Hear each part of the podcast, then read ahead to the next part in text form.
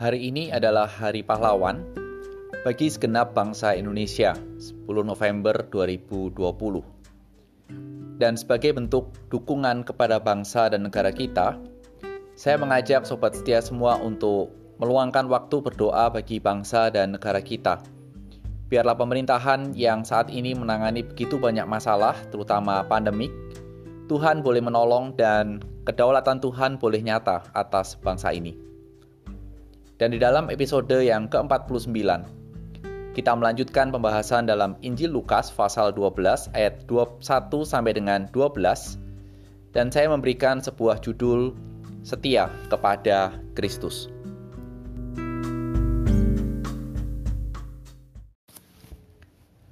Sementara itu beribu-ribu orang banyak telah berkerumun sehingga mereka berdesak-desakan.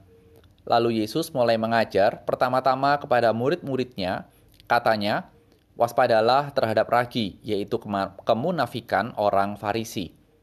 Tidak ada sesuatu pun yang tertutup yang tidak akan dibuka, dan tidak ada, tidak ada sesuatu pun yang tersembunyi yang tidak akan diketahui. Karena itu, apa yang kamu katakan dalam gelap akan kedengaran dalam terang, dan apa yang kamu bisikan ke telinga di dalam kamar akan diberitakan dari atas atap rumah. Aku berkata kepadamu, hai sahabat-sahabatku, janganlah kamu takut terhadap mereka yang dapat membunuh tubuh dan kemudian tidak dapat berbuat apa-apa lagi.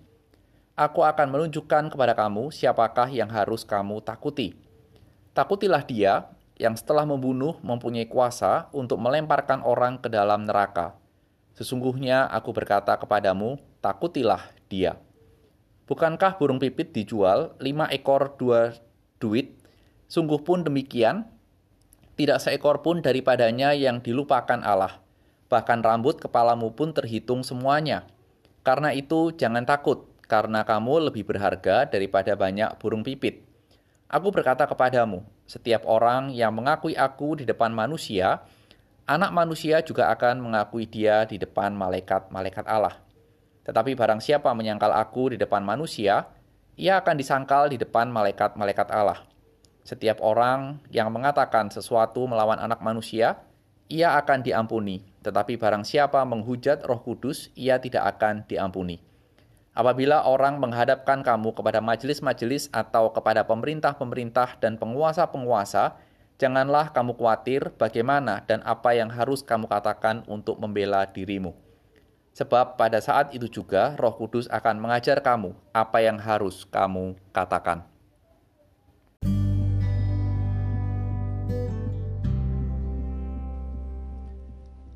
Mari kita berdoa. Tuhan sekali lagi firman Tuhan yang kam akan kami renungkan bersama biarlah menjadi kesegaran bagi dahaga hidup kami. Demi Kristus Tuhan, amin. Sobat setia, masih ingatkah kita di akhir daripada Lukas pasal yang 11 cerita tentang Tuhan Yesus dan orang-orang Farisi, orang-orang Farisi dan ahli Taurat terus berusaha untuk mencari kesalahan Tuhan Yesus guna menangkap dia. Apa yang dilakukan oleh orang Farisi dan ahli Taurat dapat dikatakan sebagai gerakan yang masif, yang artinya sangat kuat, besar, dan dalam arti progres makin menguat dan banyak. Gerakan inilah yang saat itu sedang dihadapi oleh Tuhan Yesus. Dan dalam menghadapi sebuah tantangan dan gerakan seperti itu, Tuhan Yesus di hadapan beribu-ribu banyak orang, khususnya dia mengajarkan pertama-tama kepada murid-muridnya tentang bagaimana menghadapi tekanan daripada gerakan ini yang dilakukan oleh orang Farisi dan ahli Taurat. Dan apa yang diingatkan atau diajarkan oleh Tuhan Yesus? Tuhan mengingatkan kepada murid-muridnya untuk mewaspadai terhadap kemunafikan orang Farisi Mungkin kita perlu bertanya, apa sih arti daripada peringatan Tuhan Yesus itu? Ternyata sobat setia, peringatan dari Tuhan Yesus yang menggunakan kata munafik adalah mengacu kepada orang yang menggunakan topeng di dalam sebuah peran. Jadi kira-kira Tuhan mengingatkan bahwa seakan-akan orang itu terlihat sangat baik. Ada sebuah peran yang dilakukan dan hal itu menjadi sebuah daya tarik tersendiri dan Tuhan yang kita lihat bahwa ketika mengatakan orang Farisi dan ahli Taurat itu sebagai orang yang munafik, juga disebut sebagai ragi. Kemunafikan itu ibaratnya adalah ragi. Ragi itu sangat halus dan berbahaya karena bisa menghamirkan sekelilingnya atau menyebar dan mempengaruhi orang-orang sekelilingnya. Hal inilah yang dikatakan oleh Tuhan Yesus dan diajarkan kepada murid-muridnya untuk mereka waspada. Berkaitan dengan kemunafikan, sedikit saya cerita bahwa kemarin saya diberitahu oleh anak saya bahwa salah satu pemilik boba yang ada di Jakarta dan saya tidak tahu di mana lagi tempatnya adalah seorang yang bernama Jovi Adiguna. Anak saya mengatakan dia sangat baik dan ketika dia melakukan beberapa endorse, dia di-endorse oleh beberapa makanan, dia melakukan doa terlebih dahulu sebelum makan. Anak saya mengatakan, bagaimana hal itu? Kita tahu siapa dia, bagaimana perilakunya dan bagaimana gayanya banyak di video atau di media sosial. Anak saya mengatakan dia tidak muna. Dan kalau kemudian Dibandingkan dengan orang-orang Kristen yang lain, anak saya mengatakan munanya nggak ketulungan. Bapak Ibu, sebuah pertanyaan praktika yang tidak mudah untuk dijawab. Namun hal ini bisa menjadi sebuah cerminan bahwa sering kali tekanan dari orang yang munafik dan bersifat seperti ragi memberikan sebuah ancaman tersendiri bagi kehidupan kita dan iman kita Di sinilah Tuhan Yesus menegaskan sebuah prinsip untuk hidup anak-anak Tuhan, bahwa jangan takut terhadap pribadi yang bisa membunuh tubuh.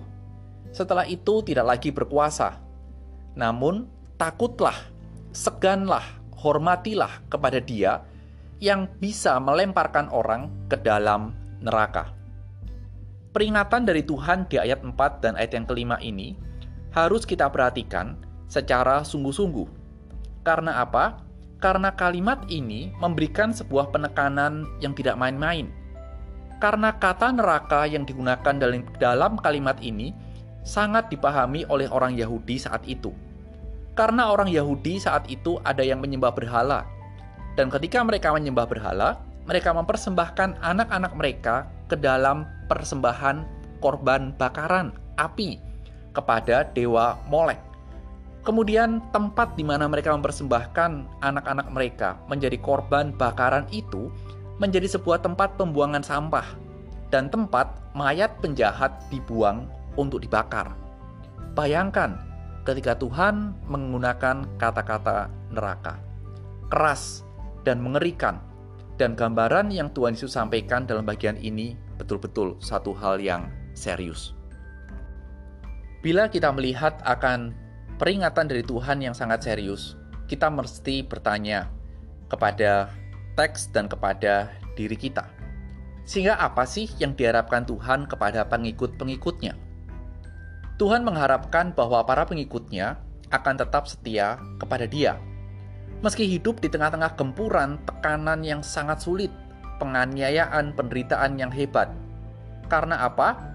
Karena jaminan yang diberikan Tuhan kepada kita digambarkan melalui sebuah gambaran bahwa kalau burung pipit saja tidak dilupakan oleh Tuhan, apalagi kita.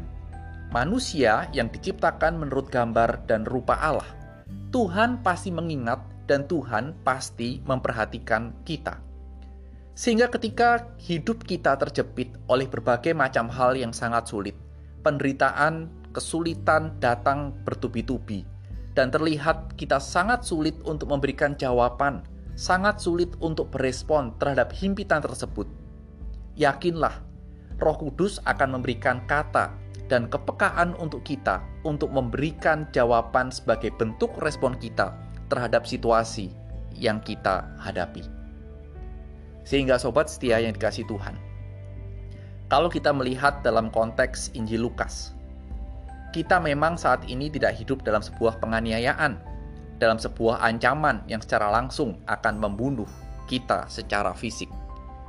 Tetapi kita perlu melihat bahwa kondisi kita sekarang di sekeliling kita, kita mendapat sebuah bentuk ancaman dan serangan dari iblis yang membuat iman kita goyang. Seperti apa serangan dan ancaman dari iblis itu? Iblis sering kali hadir dalam hidup kita, menyerang kita dengan menawarkan kembali tiga hal yang ditawarkan kepada Tuhan Yesus di dalam pencobaan di padang gurun, yaitu apa? Soal makanan, soal harta, dan soal kuasa. Berapa banyak daripada antara di antara kita yang pernah mengatakan, Tuhan makan saja kok susah. Tuhan aku kepingin sesuatu aja kok tidak bisa beli.